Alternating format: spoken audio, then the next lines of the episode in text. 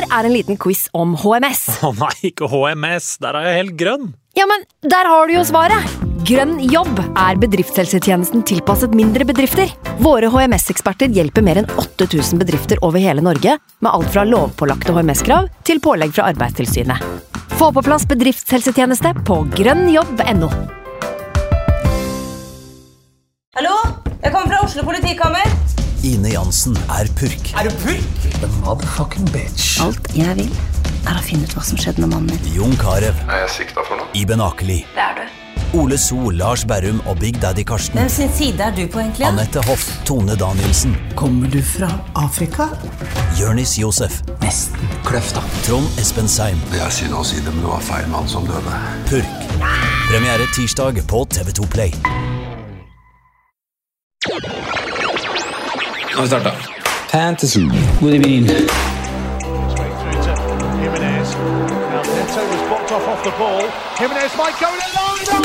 through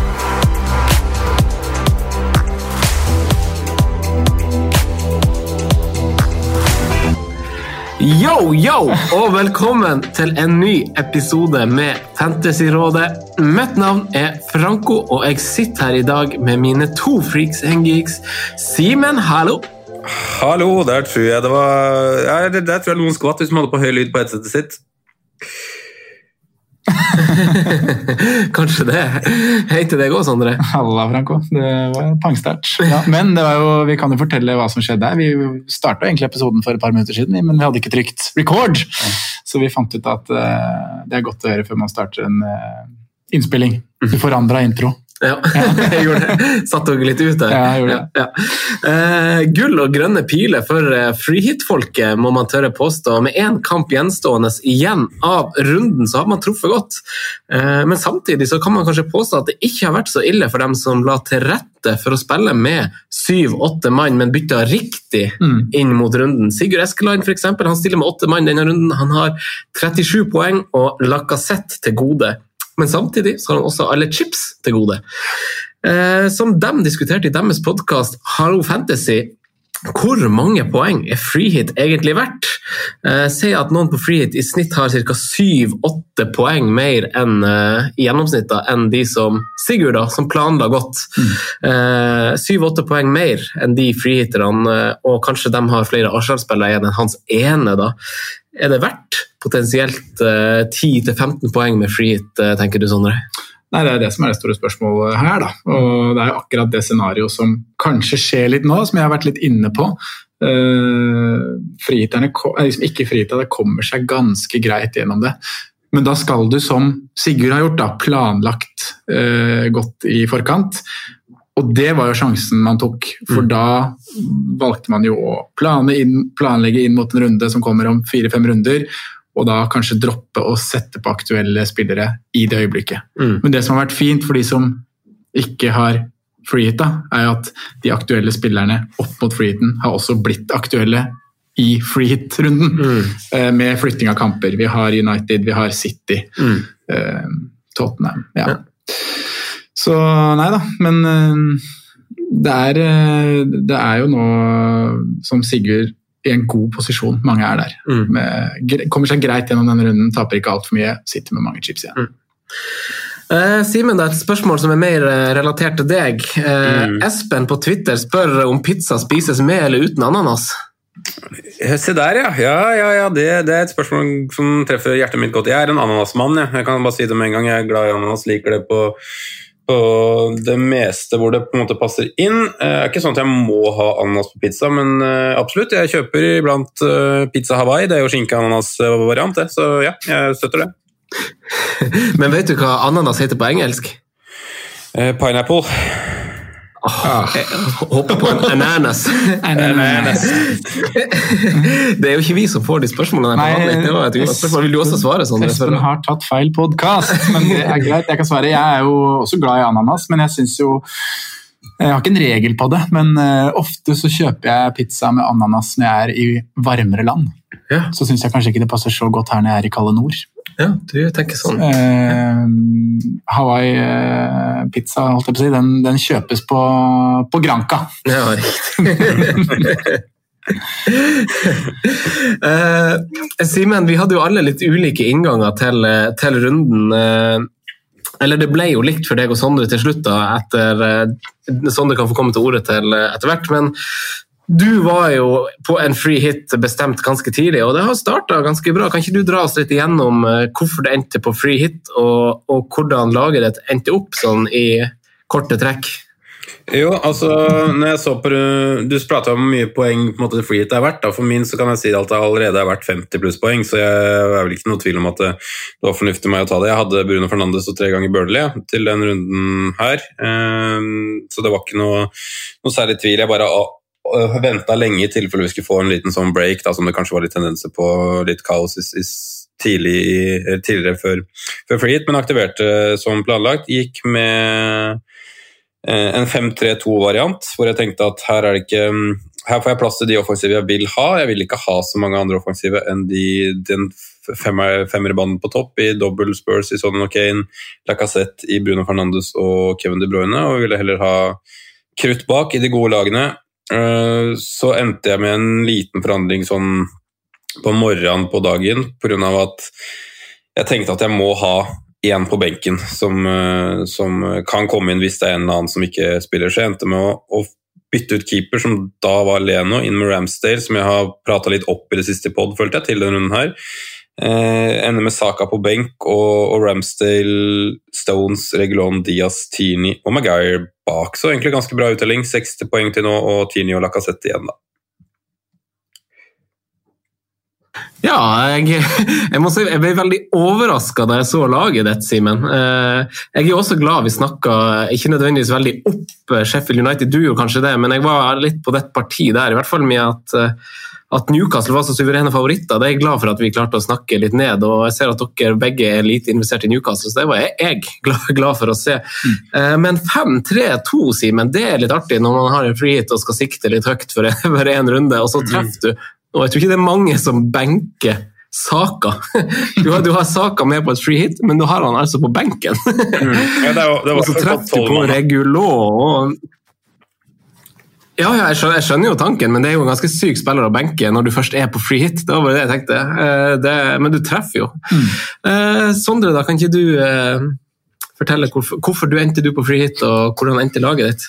Jeg var jo i en posisjon hvor jeg lenge vurderte å spare, spare chipen. Eh, Men det som endra det, det var jo egentlig uh, Villa-matchen som gikk ut. Eh, Da mista jeg to spillere der. I tillegg til det så blei eh, Dominic Calvert-Lewin skada, eller meldt skada i pressekonferansen. Da mista jeg også en, eh, en mann der. Eh, Og det med at Spurs fikk inn en bedre motstand, nesten. Eller enklere motstander da enn Villa hadde vært. I hvert fall på papiret. Så følte jeg at det å ikke ha sånn, det å ikke være dekt defensivt fra, fra Spurs Følelsen av å, å ikke være det ble bare skumlere, da. Så da, også I tillegg så måtte jeg ha spilt spillere som Mitchell, som Burke. eh, ja, som jeg egentlig ikke hadde forventa fått så mye av. Så Nå har ikke jeg regna på det ennå, men jeg vinner jo på freeheaten min. Spørsmålet er bare hvor mye vinner jeg, er det verdt det? Men jeg ville hatt en eh, fem-seks spillende mann. da. Eh, Det hadde også påført meg en del minuspoeng. Jeg hadde nok mest sannsynlig tatt minus inn i denne runden. Jeg hadde mest sannsynlig ment med minus åtte inn i runden vi kommer til nå. Eh, Så sånn sett så hadde det blitt, eh, det hadde blitt litt rør, da. Eh, Så, så det var grunnen til at jeg aktiverte. Og når jeg aktiverte, så gikk jo egentlig ting ganske fort. Jeg gjorde det på eh, mandagskveld. Tirsdag var deadline, var det ikke det? Jo, jeg gjorde det på mandagskveld. eh, Og det var egentlig nesten det første draftet jeg satte opp som jeg endte å gå for. Jeg hadde jo tenkt mye på det gjennom, gjennom uka. Eh, Da vi presenterte draft her i podkasten forrige uke, så hadde jeg Stirling inne. Og var en av de som mente at hvis jeg først skulle flyte, så skulle jeg gå litt sånn all in på City offensivt, med tanke på deres picture mot, mot Brighton. Eh, det som gjør at jeg droppa Stirling, var jo skadeissues der. Han ble jo meldt klar til kamp. øh, Og med Stirling inne på laget, så hadde jeg nok også vært involvert i Newcastle bakover. Så det er på en måte det som redder meg litt. da. Øh, At øh, Stirling er småskada gjør at jeg dropper han. Det gjør at jeg kan få råd til dyrere forsvarsspillere som Fambisaka og få dobla bak med både Stones og Diaz. Så ja. Ellers så er det Jeg ville være involvert i Tottenham defensivt, som sagt. Det endte med Laurice.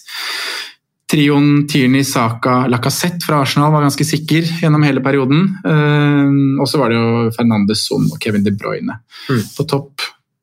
Ja, Kane og Brewster som benke, benkemann. Mm. Så jeg står på 46 poeng og har en trippel Arsenal eh, igjen i kveld. Mm. Mm. Så veldig fornøyd med freehit-laget mitt. og ja, Ville ikke gjort noe annerledes egentlig hvis jeg kunne gjøre det igjen. Ja. Fra, fra mitt lag så hadde jo, jeg hadde jo også en tanke om free hit, men for de som har hørt podkasten, vet jo at jeg endte opp med wildcard og har vært på det de siste ti dagene. og Årsaken er jo at det har ost sort røyk fra Peter Pandas-basen en god stund nå, og alle vet jo at det ikke det ikke røyk uten ild. Så jeg aktiverte wildcard og har hygga meg i egen boble i, i ti dager.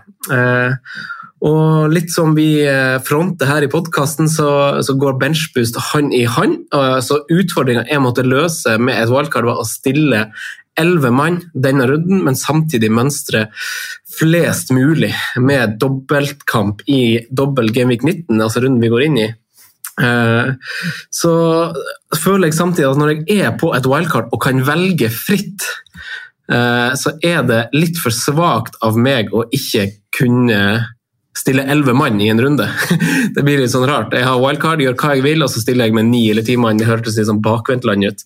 Eh, Så jeg kverna over samme landa laget ganske tidlig på mange om områder, men jeg kverna ganske lenge, tre-fire dager kanskje, på, på samme siste liksom, defensive strukturen. For jeg hadde noen prinsipper jeg måtte holde meg til, og det var at jeg ville ha Westham defensivt i runden vi går inn i. Eh, og Utfordringa her er jo at de hadde jo ikke kamp i Gameweek 18, så da måtte jeg ha satt på en forsvarsspiller som ikke hadde kamp, og da dobbel. da.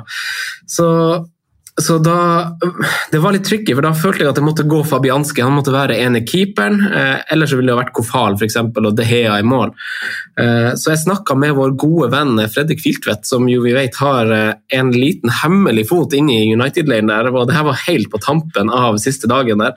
Og han skrev at nei, altså, Elvar kan ikke gi deg, men jeg ser at Kavani drilles på topp, og at, eh, at Shaw og Maguire er gode valg bakfra. Sammen. Så så det at en 4,8 Manchester United-forsvarer spilte, eh, redda meg jo. Satt Areola i mål og sammen med Fabianski, og grunnen til at jeg falt på Areola, er jo at Fulham før eh, covid-utbruddet har sett ganske mye bedre ut. Eh, De har eh, som kjent eh, hengekamper, som når man er på wildcard tenker litt langsiktig. De har hengekamper, de har fine kamper etter dobbeltrunden nå, så jeg syns generelt at han er et godt keepervalg. Og så får de jo en til dobbel, for de spiller jo i utgangspunktet hjemme mot Tottenham i Gameweek 33, når Tottenham spiller finale i cupen. Den kampen utgår jo, så Areola får en, en til dobbeltrunde generelt frem, en til framover. Eh, og siden tanken er benchboost, så vil jeg ikke sitte med så masse bortkasta midler på benken, så det var naturlig å gå en til en, altså en billig keeper. Og det hjelper jo at eh, Areola blir, eh, blir banens beste, ifølge Fulham i går. og den siste tingen er at United, Tre ganger United var viktig. Jeg tenkte i et sånn trerundersperspektiv. I eh, runde 20, hvis jeg skal spare et bytte for å begynne å rydde ut benchboost-midlene mine, så har United en veldig fin kamp i Game Week 20, som kanskje ved å ha to defensive der kan gi meg en liten edge da, mot Sheffield United hjemme. Eh, korte trekk. Så jeg, jeg er jo på 47, 46 poeng, da. Så jeg er veldig fornøyd med hvordan det Jeg frykta jo Kane. Eh, Noen måtte jeg frykte uansett, så 46 poeng på wildcard, og jeg har Lacassette og Saka igjen. Så jeg er happy. Free hit still intact. Sondre, i dag har vi litt å snakke om igjen. Igjen. eh, ja, vi skal jo gå igjennom siste nytt. Hva skjer med Villa, hva skjer med Leeds, hva skjer med Southampton? Det er tatt nye avgjørelser, og hva gjør man med spillerne man eier i disse lagene? Eh, så skal vi ta litt chips inn i dobbeltrunden. Eh, er benchboost fortsatt eh, en chip å bruke? For de som sitter med free hit, kan det være aktuelt for de å, å smelle den. Ser vi en oppside der. Eh, Og sist, men ikke minst, triple captain. Ser man noen potensielle, potensielle triple captainsalternativer Eh, Deretter tar vi litt eh, ja, populære spillere inn mot runden. Vi vet at det er mange som ikke har Kevin, som vil få på Kevin. Noen har kasta Sala, skal han inn igjen? Og hva gjør man med Spurs? Da kommer vi tilbake igjen etter pausen. Det gjør vi. Premier League og FPL de driver jo og kaster oss kasteball på skruball på skruball på hardball, you name it. Det er ikke bare bare å ta imot de her alltid.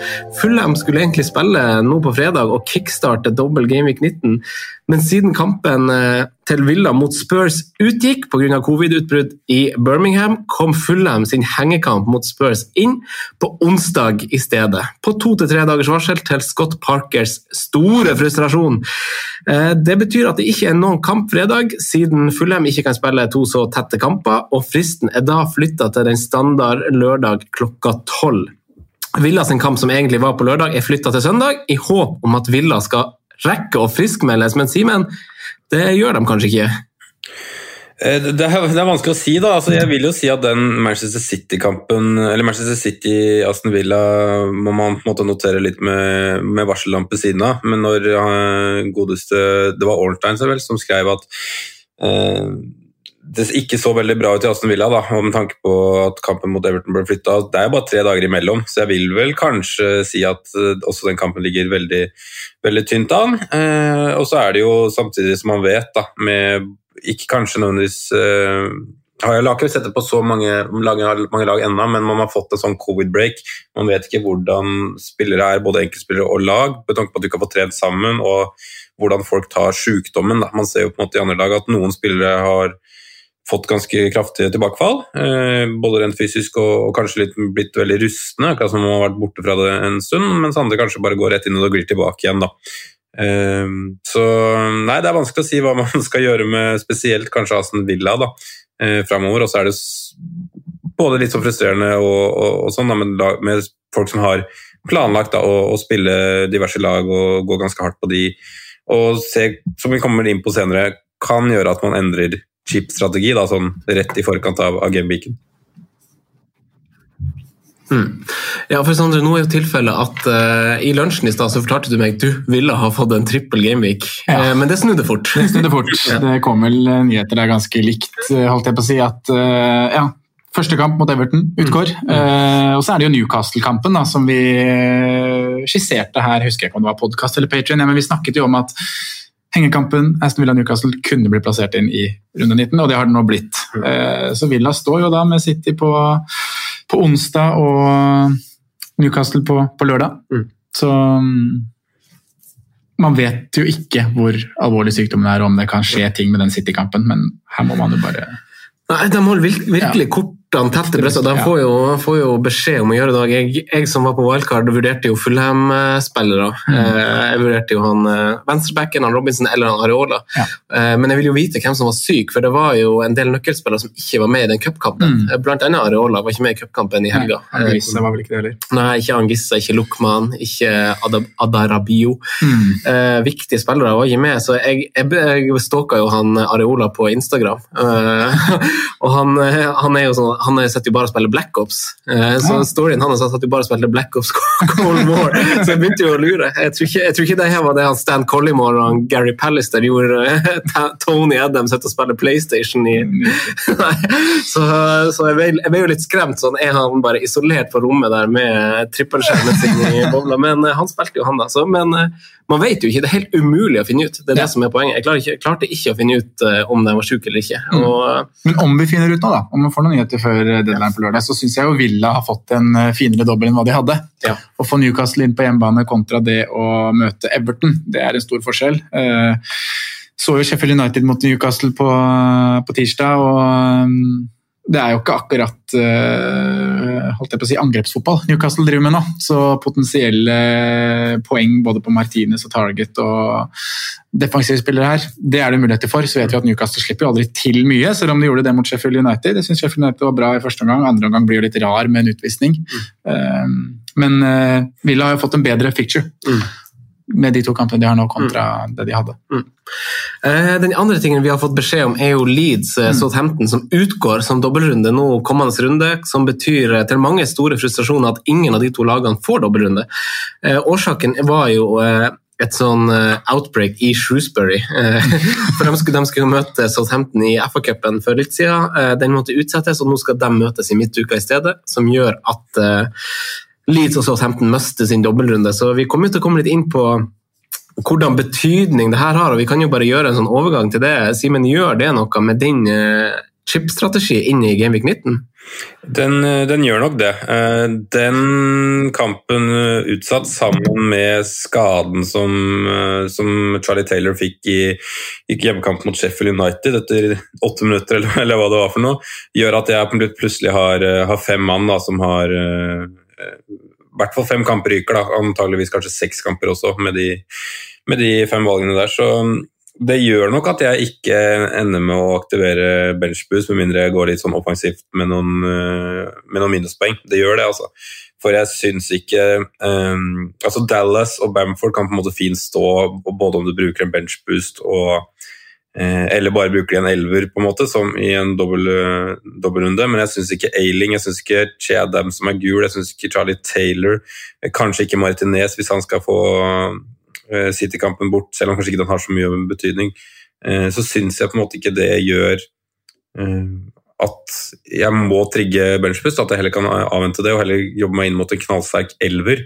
Nå prøver jeg også så godt jeg kan å, finne ut noe nytt om eh, Jamie Vardy, da, som jeg også har, som er usikker. Har fortsatt en dobbel, men han er uh, markert gult, og det ser ut som han kanskje skal, skal rekke det. Men jeg har ikke, liksom ikke, klart å bli noe klokere på den skaden. Så, så for min del så vil jeg si at jeg har blitt vesentlig svekka med de siste ukers nyheter, i tillegg til at et lag jeg planla å gå uten. Eh, Manchester City har fått seg en dobbel, så, så, så, det har snudd litt rundt på planene mine.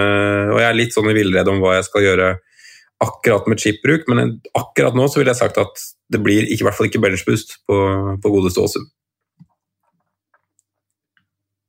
Riktig, riktig, riktig. Sondre, da? Du var jo også godt investert i Leeds, eller er godt investert i Leeds. Ja, øh, men som Simen sier her, så skader jo på en måte den øh, kampen eller at den kampen mot Southampton flyttes. Det er nok benchboosterne det går mest utover. Øh, selv om Leeds er jo et lag man kanskje har i elver her uansett. jeg har stabla en fin og god elver jeg, med dobbeltspillere som skulle ut på, ut på matta nå Gameweek 19. Det blir litt ødelagt da, at nå Leeds både bare har én match. Men uh, den matchen er veldig fin. De har jo Brighton på hjemmebane. Det kan fint hentes poeng her. Uh, og for meg som ikke skulle ha noe benchboost-chip, så så plages jeg ikke sånn voldsomt av det. Eh, og det blir egentlig et skissert bytte jeg har tenkt på, er jo faktisk å ta ut Ailing og, Ailing, Ailing, og sette på John Stones. Eh, og det blir jo bare enklere å gjøre det nå, selv for en hit, nå mm. når Eiling Ailing bare har én match. Så sånn sett ikke noe det er kjedelig, da. Jeg har sittet på Rafinha Bamford lenge nå, litt pga. dobbeltrunden. men de har jo levert hele veien, så det har jo ikke vært noe problem, det. Spillere jeg ville hatt uansett. Så og Southampton, der er jeg ikke investert. Mm.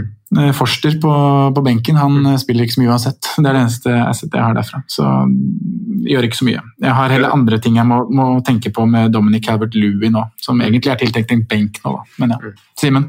Eh, ja, det er, litt vanlig, det er veldig vanskelig på en måte å skyte inn når vi ikke ser hverandre nå. Men, men jeg bare tenkte på um, Du prater jo om for å ta en sånn som et enkeltbytte og, og sånn, men, men er du bekymra for den Eh, Manchester City-Aston Villa-kampen i forhold til å, å, kaste inn på, på City Assets? Det gjelder for så vidt det kan være, Ja, kan være bekymra for det, men da, da, velger jeg heller å se på på Si at Villa-kampen utgår, da, så har City likevel eh, Palace West Bromwich, Sheffield United og Burnley de neste fire. Så jeg tenker på en måte at det å få på City-spillere er en prioritet, uavhengig om de spiller mot Villa eller ikke. Så får kanskje Villa-matchen være en bonus. da. Mm. De har en veldig fin rekke 2021 og 2022 også. Mm.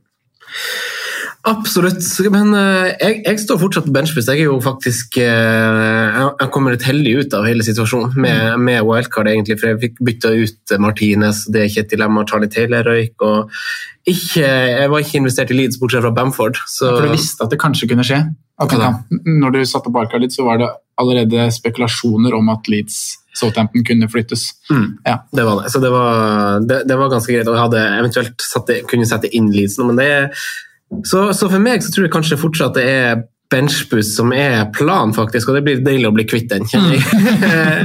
Eh, men eh, hva tenker dere om, eh, om andre chips, altså sånn freehit, da, den, mm. den, runden her. Hva tenker du om det, Sondre?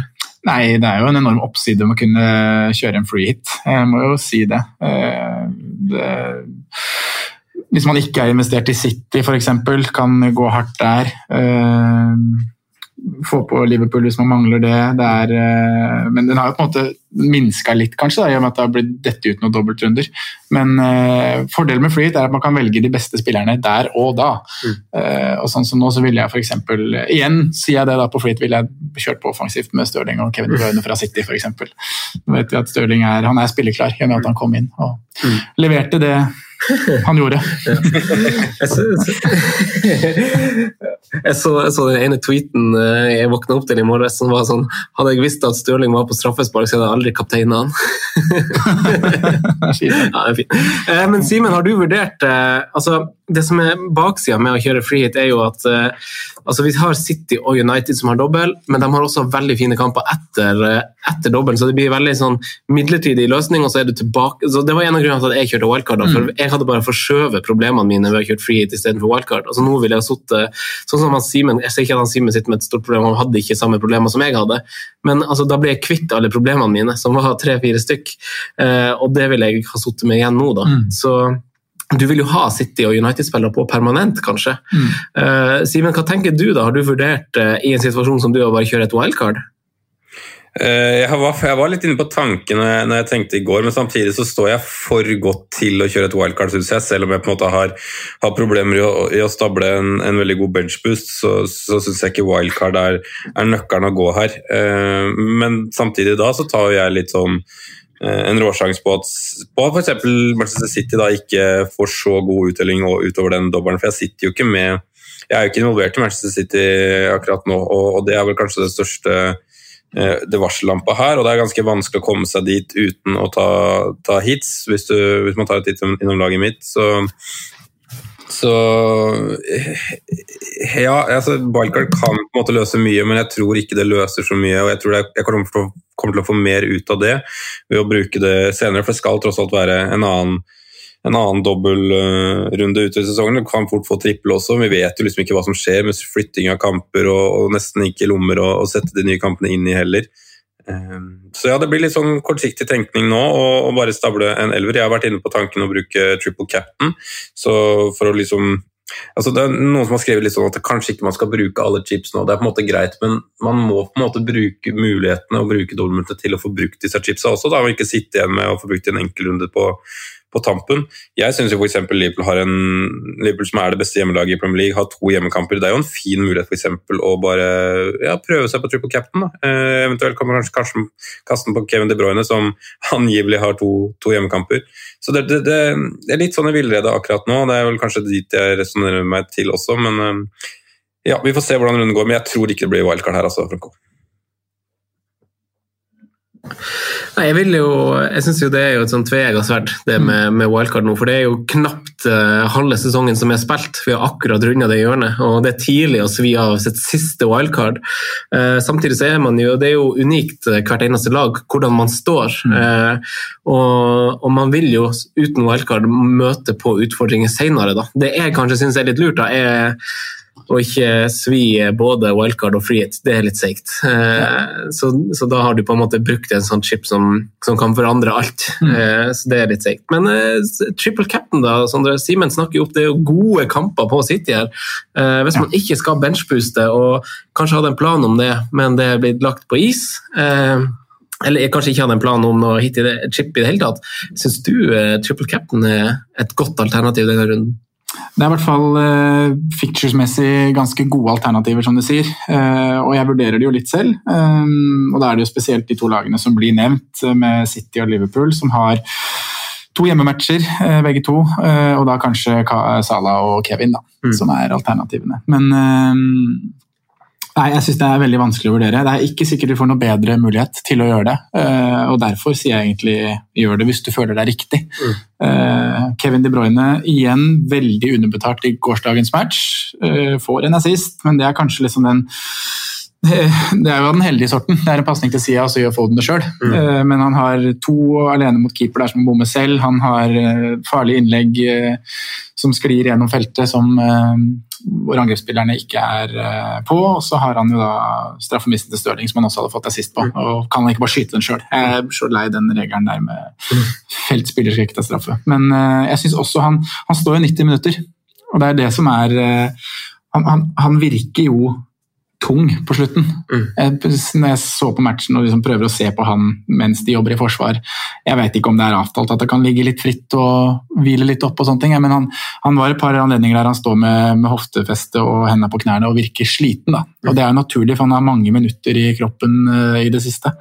Uh, jeg sier ikke at vi har, Pep har uttalt hvor viktig han er og når han kommer til å starte, men uh, det går litt sånn opp og ned med ham. og han mangler jo han mangler jo en å fòre helt foran der. Og så er jo det aspektet med at Villa-kampen fortsatt henger litt usikkert. da. Mm. Plutselig er den ute, og da har man jo bare én kamp å sitte i den runden, og det kan jo skje etter deadline også. Så det er også et, eh, en faktor da, som, som må med i den vurderinga. Men eh, jeg syns jo det er helt eh, fair, hvis man føler at ja, jeg har lyst til å ta den muligheten, kjør på. Eh, I City kan man jo også ta en triple captain defensivt. Det er to lag som eh, To hjemmekamper. eh, det er ikke så mye målpoeng å hente bak der. Cancelo eh, De som eier eller hadde Cancelo på free føler vel at de kanskje også burde fått mer nå på kampen i går. Han er jo både assisterer og har en stor sjanse selv der, men eh, han har jo bare én assist så langt i år, så det er ikke så mye å hente. Men eh, to clean sheet er det jo nærliggende å tro at de kan hente i de to matchene. Mm. Salah, da, jeg, jeg vet ikke helt, jeg, Simen, om du har lyst til å uttale deg noe om uh, hans form. Jeg syns United, eh, motstanderen til Liverpool, da, i første kamp i 19, jeg syns United ser veldig veldig bra ut. Solid, uh, solid gjennom hele laget, egentlig. Uh, så jeg, jeg gleder meg veldig til den kampen. Men vi vet jo også at Salah har en historikk å ikke levere så mye mot topp seks, topp åtte. da. Eh, Og en av kampene er jo mot det. Så er det Burnley i kamp nummer to, som, eh, som er Burnley. altså. Så jeg, jeg må si at jeg er ikke helt overbevist om eh, triple captain på Salah, selv om det er to hjemmematcher. Han er best på Anfield, men likevel. Simen? Ja, nei, jeg er for så vidt enig i, i det. Han øh, har ikke hatt en altså, Mohammed Salah har en helt vanvittig mål, altså, målsnitt de siste tre sesongene hvor han har vært i Liverpool, men det har alltid vært dalende, i hvert fall hvis man ser på noen non-penalty goals. Uh, Six Minutes har vel allerede skrevet en artikkel om det, jeg lurer på om det var i dag tidlig eller om det var i går. Um, så jeg ser absolutt varseltegnet sånn sett, og i tillegg at man møter et lag som er uh, formlaget i, i Premier League, har vel tatt uh, enormt mange poeng i det siste, har en veldig god run. Uh, samtidig så skårte han i det, det oppgjøret i fjor. Han er på straffer, da, som alltid er et, et pluss. Og Liverpool har en vanvittig hjemmesatsing med selv i år også, hvor det har hangla litt, så er det 7-1-0 hjemme. Og, uh, så, så ja, altså det kommer vel an på, på det tegnet om man får bedre muligheter i løpet av sesongen, selv om på en måte det er et formlag i Manchester United og et lag som kommer til å mure i Burnley, så, så er det fortsatt to hjemmekamper på det beste hjemmelaget i ligaen. Så jeg er skeptisk på om det kommer bedre muligheter. Det er derfor jeg kanskje vurderer å, å trigge det da, når benchbus ser ut til å bli vanskelig å bli gjennomført da, uten at det hagler minuspoeng. Eh, så det er vel mer derfor, men jeg er egentlig helt enig med deg, Sondre. Det er litt eh, varsellamper man kanskje bør eh, tenke seg godt om, i hvert fall før man gjør det, da. Ja, vi vet jo, altså Det er jo mange som har hengekamper igjen, så vi vet jo at det er en del lag som, som vil få dobbeltrunder senere, hvor trippel cap'n kanskje blir en mulighet, hvor det blir mindre dobbeltrunde da, eh, hvis man, hvis man legger det inn i regninga. Vi vet jo at eh, Tottenham og City sine kamper går ut fra, fra Gameweek eh, 33. Eh, ja, riktig. Og da har vel eh, Tottenham har jo Fulham den kampen, men City har eh, Southampton hjemme, så de får jo en dobbeltrunde. Altså, Tottenham får en dobbeltrunde som innebærer Fulham, mens eh, City får en med Southampton på hjemmebane. Mm. Og, og hvis den runden da havner i 26, som det snakkes om, så har City da to hjemmekamper mot Southampton og Westham United. Mm. Spurs får da Burnley. Burnley og Fulham. Ja. Så, så det kommer muligheter for, for, for chipsbruk senere. mm. Men det er jo vanskelig å spå, for det er jo også en, ja. det er jo to cuprunder til nå på ganske kort tid, eh, før eh, midten av februar, som gjør, eh, som gjør at vi får vite hvordan runder som utgår i runde 29. Så de kampene flyttes jo også tilbake til 26, angivelig. Ja. Men, Og den 26 vil man jo da kanskje bruke benchboost for de som ikke har brukt den. ikke sant? Så det, ikke sant? ja. Det er veldig naturlig. at. Det er kanskje veldig, sånn hvis jeg skulle ha det er helt umulig å si når det er lurt å bruke wildcard, men hvis man skal ha en tentativ plan, eh, så ville jeg jo kanskje ha sagt det liksom rundt runde 25, da, og, og benchbooster i 26 som en, som en idé.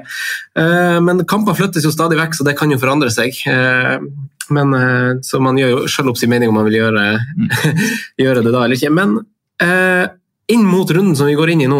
Eh, noen har brukt free hit, noen har ikke gjort noe som helst. Eh, for de spillerne, eh, Sondre, hvem tenker, du er, hvem tenker du er viktig å få på? Og hvor mange, altså er det verdt å ta hits inn i runden nå? Ja, det syns jeg det kan være. Jeg og vurderer jo det selv òg. Eh, hvis jeg tar utgangspunkt i eget lag da, og skal liksom er viktig å få på, så er jeg i den situasjonen at jeg sitter uten Kevin De Bruyne. Og han eh, må jo på. Eh, Så er spørsmålet hvem som skal ofres for, for å få på Kevin. Eh, har jo Fernandes, har Salah, har Kane, eh, har Grealish, så det er muligheter å hente penger her. Planen min har jo vært å kaste Kane Grealish for billigspiss og Kevin De Bruyne. Eh, Så er jo den der kaste Grealish den var enklere da de hadde Everton eh, enn den er når de har Newcastle. Men det blir nok det jeg kommer til å gjøre mm. for en minus fire. Og så er jeg også på en Kanskje at jeg strekker meg faktisk til en minus åtte for å få på John Stones, som da blir et lengre prosjekt da, enn bare denne runden. Um, Men hvem hitter du ut av Eiling? da er det Ailing som Ja, heter sitt, ja, ja. Så da er det én match mot to matcher ut. Stones inn i elver. uh, Kevin inn i elver for Grealish, og så blir det da Antonio eller Watkins, egentlig. Det står mellom på topp nå, da. Eh, ja.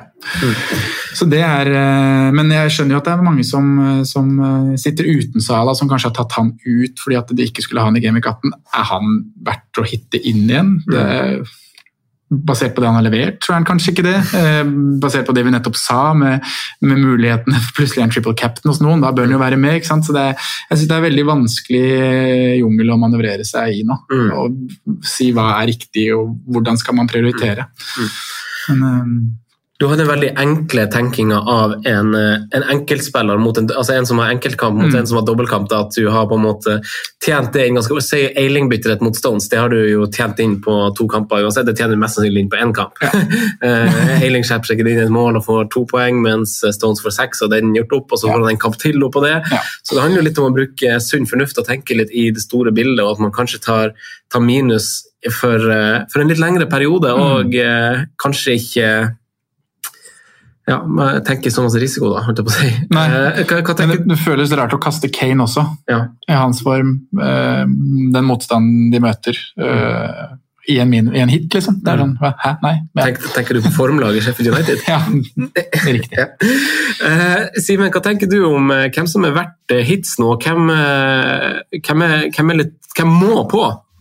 Jeg sitter jo og vurderer litt sjøl, da. Eh, Så, så bare, bare for å punktere én ting først, da. Eh, Sondre nevner Salas form, sånn sett, men det er jo en mann som er toppskårer i Premier League, er femte høyest på, på poengsum totalt og ikke har starta 15 kamper i år. Så mm, han, han, han har jo vanvittige tall, tall uansett.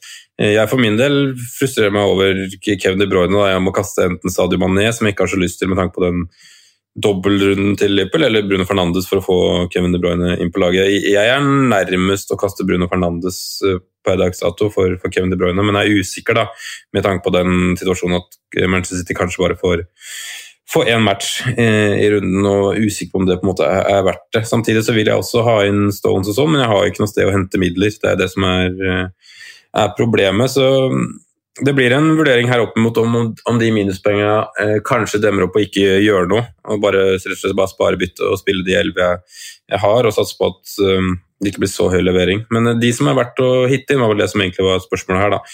Eh, jeg mener jo Salah, Kevin, eh, Diaz slash Stones eh, Det er vel kanskje de første jeg tenker, faktisk.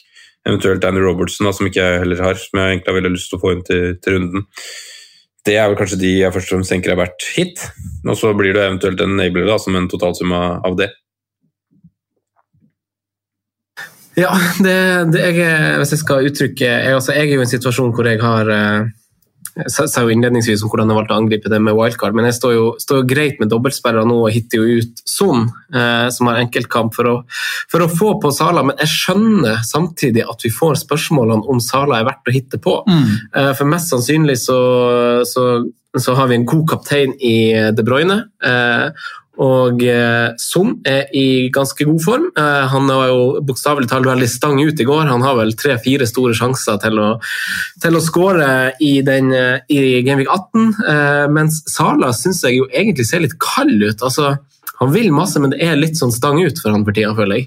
Eh, og om det er verdt minus fire altså Jeg kommer mest sannsynlig til å gjøre det, men eh, jeg ville jo aldri ha tatt ut uh, altså Jeg har gått i Bruno Fernandes-fella før, og det skal jeg ikke gjøre igjen. Han, uh, han, han skal være. Uh, det samme skal De Bruyne. Jeg synes, Sånn som du oppsummerte kampen hans i, i går, Sondre, eller i overgår, var jo at at han brant store sjanser og han skaper masse, men poengsummen han ender opp med ganske lav. og Jeg føler at det er ikke bare den, denne runden var sånn, det er kanskje de tre-fire siste rundene det har vært litt sånn at han er i falsk nieren og skaper helt vanvittig masse. Så de som ikke har eid han, vil jeg påstå slipper sjukt billig unna. Enig. Så, så jeg er veldig, altså det er, de, er, de blir. Mm. Så jeg er veldig De Bruyne, Sala og Bruno er, føler jeg er det jeg vil stå ved. Ja. Tilbake til Salah, så er det, ikke bare, det er ikke bare han, det er jo egentlig det hele offensive Liverpool, som vi snakka litt om etter Newcastle-kampen, da de hadde 0-0 mot Newcastle. Eh, nå har de to poeng på tre matcher mot West Newcastle og Southampton, hvor det har vært litt sånn låst i det offensive. Så det er jo totalen der da, som, eh, som kanskje legger grunnlaget for den refleksjonen. Mm. jeg tror nesten at jeg har Fernandes over Sala i den dobbeltrunden her. Ja, ikke sant. Det har egentlig også jeg. ja, og Vi nevnte han ikke i stad da vi snakka om triple capner, for det er jo noen alternativer som vi ikke nevnte da. Fernandes annet, og også Jamie Vardy, da, som Simen nevner innledningsvis, hvis han skal ta en sjanse. Der må man få klarhet i skadesituasjonen, men Vardy med, har en veldig fin dobbel mot, mm. mot Southampton og Chelsea, to hjemmematcher. Da. Men det er gode lag, og han leverer ofte mot gode lag. Jeg kikka litt på, på, på eh, Sala er jo veldig kjent for å ha veldig gode underliggende tall. Han har jo det også nå, men han pleier å være ganske ekstrem. Mm. Men nå er jo det langt ifra tilfellet, hvis man ser på ikke bare de siste seks rundene, men de siste seks kampene de har spilt. For det er jo litt vanskelig å dra over en kamp med bare runder. men det er jo altså det er ganske mange spillere som er foran Sala uh, og kommer til skudd i boks. Uh, altså Bamford, Watkins, Benteke og Bamiyang har flere skudd i boks uh, han, de siste seks kampene han har spilt. og det er, jo, det er jo ikke sånn man er vant til å se Sala. Han kommer til skudd i boks hele tida. så hva syns du Simon, om, om, at det skurrer kanskje litt i Liverpool, og at det kanskje ikke taler veldig for deres sak? da? Det er ikke noe tvil om at det skurrer, i Liverpool med den situasjonen her. og Det er jo helt utrolig at de ligger der oppe de gjør også, etter, den, eh, etter de første 17, 17, 17, kampene som har vært i, vært i år. Og, og, som jeg sa også, så Six, hvis man vil lese enda mer om det, og kanskje gå gjennom litt mer om det, så anbefaler jeg artikkelen til, til Six Minutes, for han går gjennom kreativiteten til Sala siden 17-18-sesongen, at den har vært dalende. Men samtidig så kan man egentlig ikke forvente noe heller, for den sesongen var så eh, sinnssyk. Uh, at man kan liksom ikke forvente å opprettholde de tallene. Jeg synes han har egentlig opprettholdt, Hvis man ser på rent målpoeng, da synes jeg han har egentlig opprettholdt det på en svært god måte med å, med å ende med 30, 30 målpoeng uh, omtrent i hver sesong. Han har vært i Premier League nå etter det, og de to siste neste etterpå er i god rute nå med, med 17 målpoeng på de 15 første, hvor han har starta 15. da. Så um, ja, altså Jeg skjønner skepsismen, men samtidig når, når, dere prater om Bruno over Salah her, så er jeg veldig sterkt uenig med, med, to lag som Jeg ser ikke hvor mange mål de kommer til å skåre bort mot Liverpool og bort mot Fulham. Jeg ser for meg egentlig maks, maks tre med god flyt totalt på de to kampene. Eh, mens taket til de andre er veldig mye høyere, da, etter, etter, etter, i hvert fall mitt hode. Eh, og Det er jo derfor også jeg sa at den eneste jeg vurderer å ta ut i et rent sånn Eh, de som ligger prisliggende nære Kenny Bruyne, så er det egentlig bare Bruno Fernandes jeg vurderer å ta ut. sånn sett. Men jeg, jeg, vegrer meg jo mot også det. da, Som dere sier, United er et fint kampprogram egentlig etter um, dobbelen, med de to neste hjemmekampene i Sheffield og, og Southampton, er det vel. Og så er vel en Everton-match også rett etter der. Uh, og så er det vel bare eneste er vel en Arsenal borte, da, uh, som på en måte er dårlige de fire, fem, seks neste kampene etter dobbelen. Så, så det, det det er vanskelig å, å gjøre noe her nå, men jeg er helt enig. Det det, Liverpool ser svakere ut enn det jeg har gjort. Sondre, hvordan, eh, hvordan stiller du deg til eh, altså Mange er jo om de er på free hit eller gjorde det som et bytte, så, så står man kanskje med noen spillere som har en fin enkeltkamp nå. Eh, altså Er det noen som har så fin enkeltkamp at de ikke er kan byttes ut, eller at det kan rettferdiggjøres å gjøre en benchbus. Du nevner jo f.eks. Leeds har jo fortsatt en veldig fin kamp mot Brighton hjemme. Mm. Potensielt en drømmemotstander på papiret. Mm. Eh, man vet jo aldri med Brighton plutselig De er jo så forbanna utforutsigbare. eh, Arsenal har en fin kamp mot Newcastle hjemme. Eh, Wolverhampton har fint mot West Bromwich hjemme. Eh, og Tottenham selvfølgelig mot eh, Sheffield United, riktignok på bortebane, men det er jo fine enkeltkamper på papiret. Ja. Eh, Altså, er, det der det, er det der man ikke skal la seg lure til at man må bytte på en spiller som er dobbel, at man kan gå i dobbeltfella, men så er det spillere som har en enkeltkamp som man likevel kan overgå? Ja. eh, de dobbeltspillerne. Ja, det syns jeg er viktig å, viktig å huske på, holdt jeg på å si. Jeg syns uh, Bamford og Finja, du nevner de to, Uh, det er jo bare å la det stå. Kaster ikke ut de. Uh, Spurs er vel kanskje det som flest vil at vi skal snakke om, med Son og Kane, som mange har investert i, og som eh, bare har Sheffield United da, i denne runden. Eh, det er liksom den vurderinga jeg gjør litt. Hvilke jeg har bare plass til å ha tre premiums, og hvilke tre premiums vil jeg ha i 19 og veien videre? Eh, og da er det det at Spurs i løpet av de fem neste rundene, da eh, Nei, seks neste rundene blir det vel. Så har de Liverpool, Chelsea og City. Mm. Og da velger jeg på en måte å ha Fernandes, Kane Nei, Fernandes, Kevin og Sala Mm. over Kane. Ja. Han blir ikke blanda inn i den, og Son blir heller ikke blanda inn i den. Kanskje han kan være ved siden av, men da må jeg gjøre andre omstruktureringer i laget. Tror ikke jeg klarer det nå. Men uh, det, eh, det haster ikke å få det ut i denne runden her. Men det er en fin mulighet til å gjøre det for å få på plass en dobbeltspiller. Mm. Eh, Det er liksom vurderinga jeg gjør rundt, eh, rundt Spurs. Eh, Men ikke hvordan man- som helst dobbeltspiller. Nei, ikke hvordan som helst. Det er det for å prioritere de tre, de tre tunge som jeg nevner. Og så vil man jo igjen sitte i en situasjon i både 21 og 23 hvor shit, nå må Tottenham på. Kane skal til Brighton, der renner det inn. De har West Bromwich hjemme. Kaptein, ikke sant. Vi kommer, til- kommer til å være tilbake der i de to rundene, garantert. Men uh, her og nå da, så blir det på en måte min vurdering at Kane må ryke for å få på plass Kevin. Eh, Wolverhampton kan jo fint spilles denne runden. Eh, og det samme med Arsenal, som du nevner. Der er kanskje ikke så mange investert. Nei, Mange har- Mest faktisk. noen wildcardere som deg, og så er det noen som har bytta de på inn i 18 for å, for å få et lag. Da. Mm. Mm. Men de kan jo fint spilles og egentlig fint benchboost. Mm. Hva tenker du, eh, Simen, eh, sånn avslutningsvis om, eh, om Tottenham, Arsenal og, og sånn? Er det spillere man, man hitter ut? Er det fair? Ja, så Ser man på Spurs, så er det jo en liten nedadgående kurve der som traff vel sånn rett i forkant av Arsenals oppsving, da, med at Tottenham kun har én seier på de siste seks i, i Premier League. Sliter med å avgjøre matcher, sliter litt med å, å mure igjen når det, det skal gjøres. Um, så jeg er jo man ser jo også det på, rent på målpoeng, hvis man bare går inn og sjekker eh, Hong Min Son siste eh, seks. Da skal vi se, 1, 2, 3, 4, 5, 6, så er det eh, Det er fire målpoeng som er ganske bra, men det er ikke den konsekvente som det var i forkant da, av det. Sånn er jo veldig god verdi, da, med tanke på de som har eid den kanskje lenge og fikk den helt ned på 9 blank. Nå er den 9,8, så han er jo dyrere. Så jeg ville vurdert å cashe inn egentlig på begge to, uh, hvis jeg kan frigjøre til f.eks. Kevin De Bruyne, Mohammed Salah, uh, Bruno Fernandes. Uh, ja, og så Når man kommer til Arsenal, så er det litt mer sånn jeg er enig, det er nok mest flytere som er involvert. Med tanke på at de bare har en enkel match nå, som også for så vidt er fin, så ville jeg jo ikke kasta, men jeg ville jo ikke stressa heller voldsomt med å, med å få, de, få de inn, da. Nei, den er, det er for så vidt greit eh, summert opp. Skal vi ta oss eh, vår siste lille pause, og så tar vi avslutningsvis eh, våre spalter? Let's do it. Da gjør vi det. Og så hopper vi til spalten. Franco nevner spillere som kan være aktuelle slags populære valg. Rådets spillevalg. Jeg tror jeg skal ta den uforberedt hver gang. Jeg tror det er bedre. Kjør den nye spalten. Det har jeg gleda meg til.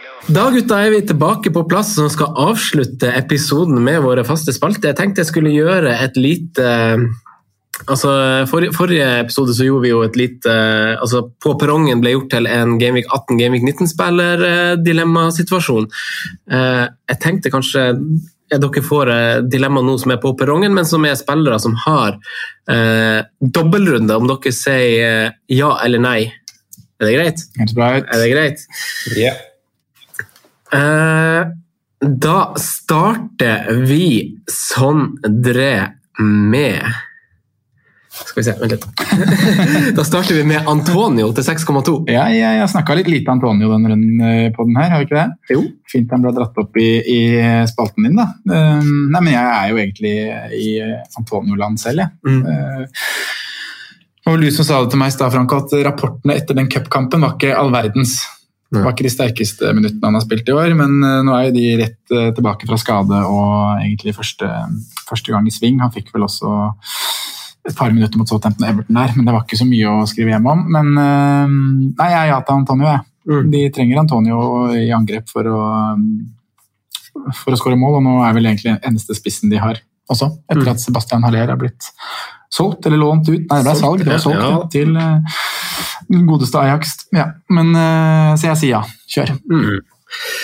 Samme her. Jeg står vel eh, mellom han og det kommer an på, på Aston Villa, da. men jeg vurderer jo Watkins òg pga. Eh, at den dobbeltrunden plutselig ble så masse finere som den ble, Mm. eh, med Newcastle istedenfor Everton. Mm. Eh, men et ja også fra, fra meg på Antonio. Simen, hva sier du? Jeg har en liten Jeg har sittet og trykka litt med noen varianter for å, ta, for å få brukt benchboost. Og hvis jeg har litt flyt, så kan jeg ta en Che Adams og Taylor ut til Antonio og Kenny Tete i, i Fullham. Uh, så ja, jeg har tenkt på tanken med Antonio, jeg også. Uh, det mangla 0-1 for å gjøre direkte swap fra, fra Che Adams. Um, Så jeg må vel nesten si, si ja, for så vidt, jeg også. Men uh, for å legge til litt Westham-stats her, da, så er det kun én seier på siste fem. Eh, inkludert da Palace Brighton hjemme. To poeng på de siste tre hjemmekampene. Eh, så jeg er litt sånn skeptisk til, til eh, formkurven til, til Westham, og kanskje spesielt i de kampene hvor de hvor vi tror og håper at de skal på en måte være gode assets, og så sliter de litt med å avgjøre mot det som kanskje er de kampene de skal vinne i år. da. Mener på ja. Det kan, ja, det kan du eh, for så vidt si. Man er jo, Vestheim er vel et av de lagene man ikke helt skjønner og, og blir helt klok på. Da. Det er jo liksom typisk at de vinner 1-0 borte mot Everton. så, så Man ser ikke den komme, og så er det 1-1 hjemme mot Pelles. Sånn, det er merkelige greier. Men eh, eh, eh, apropos Tete, så kan jeg jo jeg, synes jeg ble jo imponert over Fulham egentlig i den kampen, spesielt i lys av hvordan situasjonen kommer fra. Eh, måten, eh, Kanskje spesielt Lukman var på da han kom inn dødsgod. Eh, og så er det jo han eh, vi har snakka litt opp i podkasten her, Robinson på venstrebacken. Eh, for meg er det jo uaktuelt som har keeperen og skal ha to baki fra, fra Fulham, men jeg syns eh, det er gode valg i Fulham, og de har eh, en tøff dobbel, men det er jo to kamper, så har de egentlig ganske fine kamper etterpå. Eh, jeg vet ikke hvor rød man syns Leicester på hjemmebane er, men bortsett fra det, så så er det en ganske fin sånn åtterekke egentlig for Fulham. Og som sagt en dobbel på sikt. Det gjør en frelser per dags dato. Ja, Eh, det kan du si. Eh, Neste mann er jo en som har levert noe så til de grader eh, de siste to rundene, kanskje i skadefravær til noen, men det er jo Phil Foden. Har en dobbeltrunde nå, han blitt snakka lite om i dag. Snarvei inn i City, Sondre. Ja. Toppskårer i City. Han er jo mer enn færre. Han har vel like mange nå. Så Ja, det er jo snarvei inn, da. Men ja, nei, jeg sier ja, jeg. Så får du ta sjansen på det. Jeg orker ikke å si nei mer på Phil Foden. Fantastisk god fotballspiller. Så bare kjør. Bruk en City-plass der, og ta benkinga når den kommer. Ja, er vi der, er vi der igjen, Simen? Hva sier du? Jeg vet. Eh, jeg likte veldig godt svaret til Sondre, så jeg vurderte egentlig bare å kaste meg på, på det. Altså. Men uh, Gjør det jo ikke ja, det, er, det er jo en evig sånn um, altså du, man, Setter man inn Phil Foden, så vet man jo at, så, som du sier, at man kjøper seg et problem, og man kjøper jo seg en, en langvarig tilværelse bak sofaen. Så um, Ja, men jeg sier ja, jeg. Kjør på da, fyll på. Veldig bra. Han koster jo bare 6,2. Det eneste er jo at man, man vil jo altså Sånn som jeg er med City nå, så vil jeg jo tenke de vil være en del av mine langsiktige planlegginger. Eh, hvor jeg vil prøve å, å sikre litt minutter fordi de har så fine kamper. Eh, og da er altså hva det er nå, det er det åtte clean sheets på ni kamper nå for, for Stones og Diaz bak der. Ett mål sluppet inn. Eh, så det er veldig naturlig å tenke to bak. og og De Bruyne. Det er det. det er det. Jeg merker jo at jeg blir jo revet med av Foden sine prestasjoner. Og, Men free hit, for han som skal free hit nå, Ja, ja, ja. Da, da kan vi være oppe og er snakke. to- Da er det en ny diskusjon. Ja. Eh, Neste mann er jo en, form, en spiller som er i form når han sjøl ønsker det. Eh, Paul Pogba. ja, til, til 7,7, sånn dere kan si det om Ja, han? da, han bossa Turfmore, han. Ja, fy Eh, flate. Altså, det er ingen spillere i verden som ser så elegant og deilig ut som han når han er i slag. Når han er påskrudd, da er han ja, Da ser det bra ut, for å si det sånn. Men jeg tror han kommer til å levere sånn, jeg nå, da. Jeg synes jo bare nå jeg, jeg, fikk så god følelse på United nå etter eh, Burnley og intervjuer og positivitet og sånne ting, men eh, man vet jo aldri. Men eh, uansett ikke aktuell for noe fantasy-lag, altså. For i, man skal ha Bruno Fernandes, jeg er fortsatt der. Jeg ser at noen har spurt om vi skal droppe Fernandes for å få på Pogba og billigere alternativ og sånne ting, men da får det heller være at Pogba kan være ved siden av etter hvert, men der er ikke midlene mine akkurat nå, så det blir nei til, nei til Paul Pogba. Det det. Det har jo vært mye surr der òg, må ikke glemme det. Det er ikke mange uker siden vi satt og snakka om, eller andre medier satt og snakka om det. Men eh, United, Simon, det er jo kanskje et eh, altså de, har, de har jo også et veldig fint eh, kampprogram etter, etter dobbelen og, og dobbelen. Eh, fint det, mot Sheffield United og Arsenal, altså. men det er kanskje ikke like altså like lett å skal ha tre mann derifra som fra City. Altså, du har kanskje en defensiv og du har Bruno Fernandes, og så føler man kanskje at den tredjeplassen er litt mer up for grabs. Ja. Simen, føler du at det er noe man kan leke seg litt med? Litt Paul? Litt Paul. Eh, ja, Sondre nevnte at, at noen som vurderer å kaste Bruno Fernandes for å rydde plass til Paul Pogba, da må du gå på sterkere medisiner, tror jeg, hvis det er det du vurderer. Men eh, jeg, nei, jeg ville ikke vurdert Paul Pogba noe særlig i, i fantasy-øyemed. Altså. Det, det ville jeg ikke gjort. Og jeg tror jo egentlig ikke han starter til helga heller. Eh, selv om han var veldig god på, på turfmål, så tror jeg det blir løpegutta mot, uh, mot Liverpool. Vi får se. Um, jeg sier nei til uh, godeste Paul. Det blir så vidt et nei fra meg òg, egentlig. Det er sterkere medisiner som gjelder for FPL-sjiraffen, var det som sendte det spørsmålet. Sjiraffen? Ja. Hvor tar de de navnene fra? Ja. Du har jo snart eh, FBL-kontor med alle mulige dyr som er i Afrika. Det har dere ofte det. Eh, da går vi over til eh, altså Du snakka om Jamie Vardy, men jeg føler at generelt så er Leicester kanskje et litt undersnakka lag som har et formsvakt Chelsea eh, og Southampton på, på hjemmebane. Eh, vi vet ikke hvordan ståa er med McCarthy. Dere får ta de som er investert her, får ta samme runden på Instagram og, så videre, og se om dere ser han, sånn som jeg gjorde med Areola. Men jeg klarte ikke å google meg fram til noe McCarthy i stad, hvordan er står med han. Eh, men Southampton eh, Nei, Leeds har Nei, herregud. Leicester har Southampton og Chelsea hjemme. Eh, som lag så har de jo en del spennende spillere med en eh, formspiller som du har truffet fint på, Sondre, i Harvey Barnes de periodene du har hatt han. Og du har backa, som vi vet er veldig god framover, hvorav han ene, James Justin, skåret et kremmerhus i cupen, eh, og har bare fortsatt å spille og har den plassen. Har han det? Eller lever han på lånt tid? Årets mest åpne Men, men, men, diskuterte men Lester, er det noen spillere der som kan komme inn? Ja, det er jo det. Det er jo et lag jeg ikke kikker til fordi jeg er så fornøyd, men det er jo Jamie Vardy og Harvey Barnes jeg ville sett til. Og så vurderte jeg Justin lenge da jeg satt på Det var jo sammen med Kofal, si. Så ble det de 0, et eller annet der som ble avgjørende. Men jeg syns alle de tre er fine valg. jeg. Eh, Sånn utover det eh, Situasjonen rundt Madison vet jeg ikke helt eh, hvordan er nå, eh, og da er det ikke så mye mer å hente, da. Mm.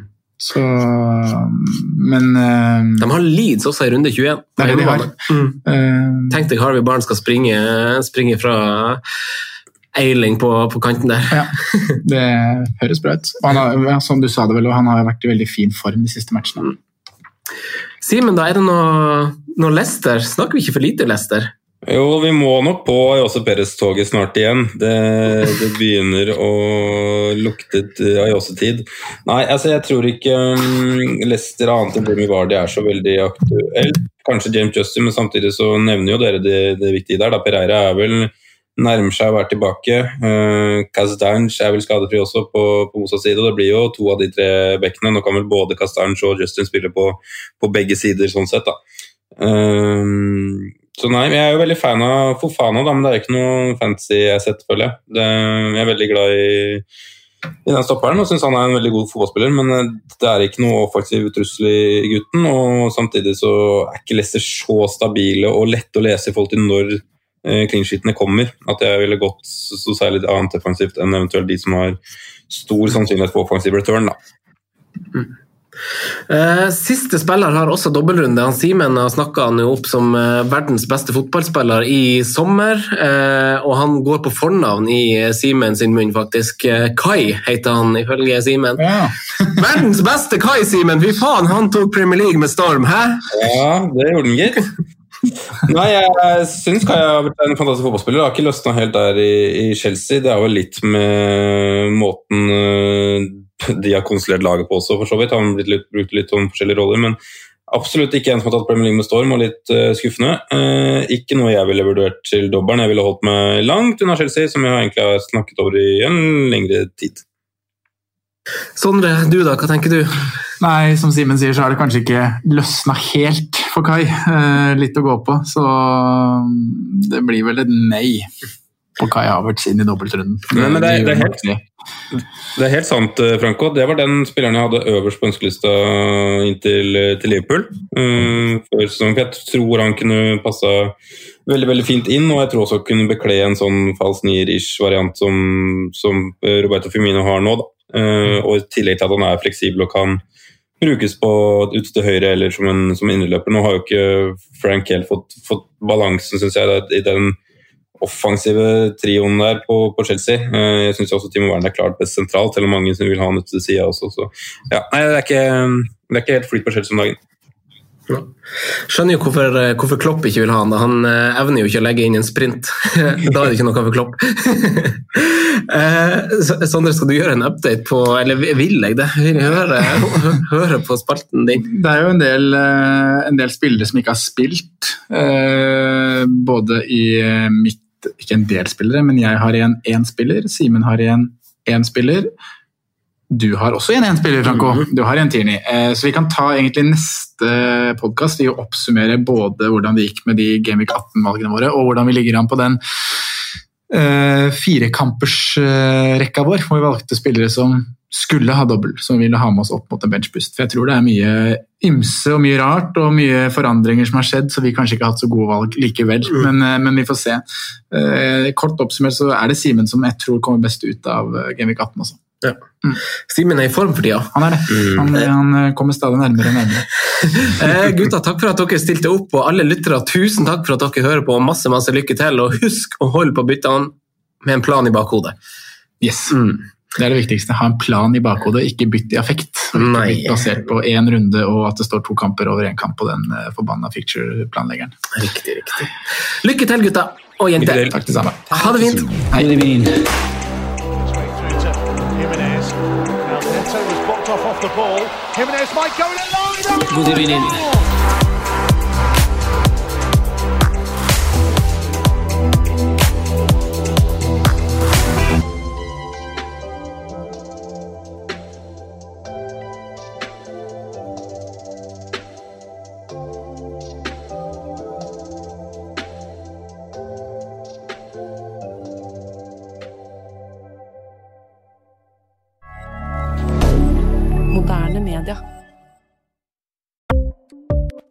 Ukens annonsør er Folio, en smartere banktjeneste for deg som har en egen bedrift eller ønsker å starte for deg selv. Folio er en superenkel nettbank for bedrifter. Som kunde i Folio får du en bedriftskonto med et bedriftskort og app. I denne appen er det smarte løsninger som forenkler regnskapet ditt, uansett om du har en liten bedrift eller et enkeltpersonsforetak. Folio er både intuitivt og brukervennlig, og er laget med et enkelt språk. I tillegg tilbyr de forutsigbare priser og ingen skjulte gebyrer. Skulle du likevel trenge det, så kan du snakke med deres raske og hyggelige kundeservice, og der får du prate med en faktisk person og ikke en chatbot. Folio er med andre ord både enklere og koseligere enn banken. Over 10 000 bedrifter har allerede valgt Folio som sin banktjeneste, så besøk folio.no og se hvordan Folio kan forenkle din hverdag også. Har du et enkeltpersonforetak eller en liten bedrift? Da er du sikkert lei av å høre meg snakke om hvor enkelt det er med kvitteringer og bilag i fiken, så vi eh, gir oss her, vi. Fordi vi liker enkelt. Fiken superenkelt regnskap.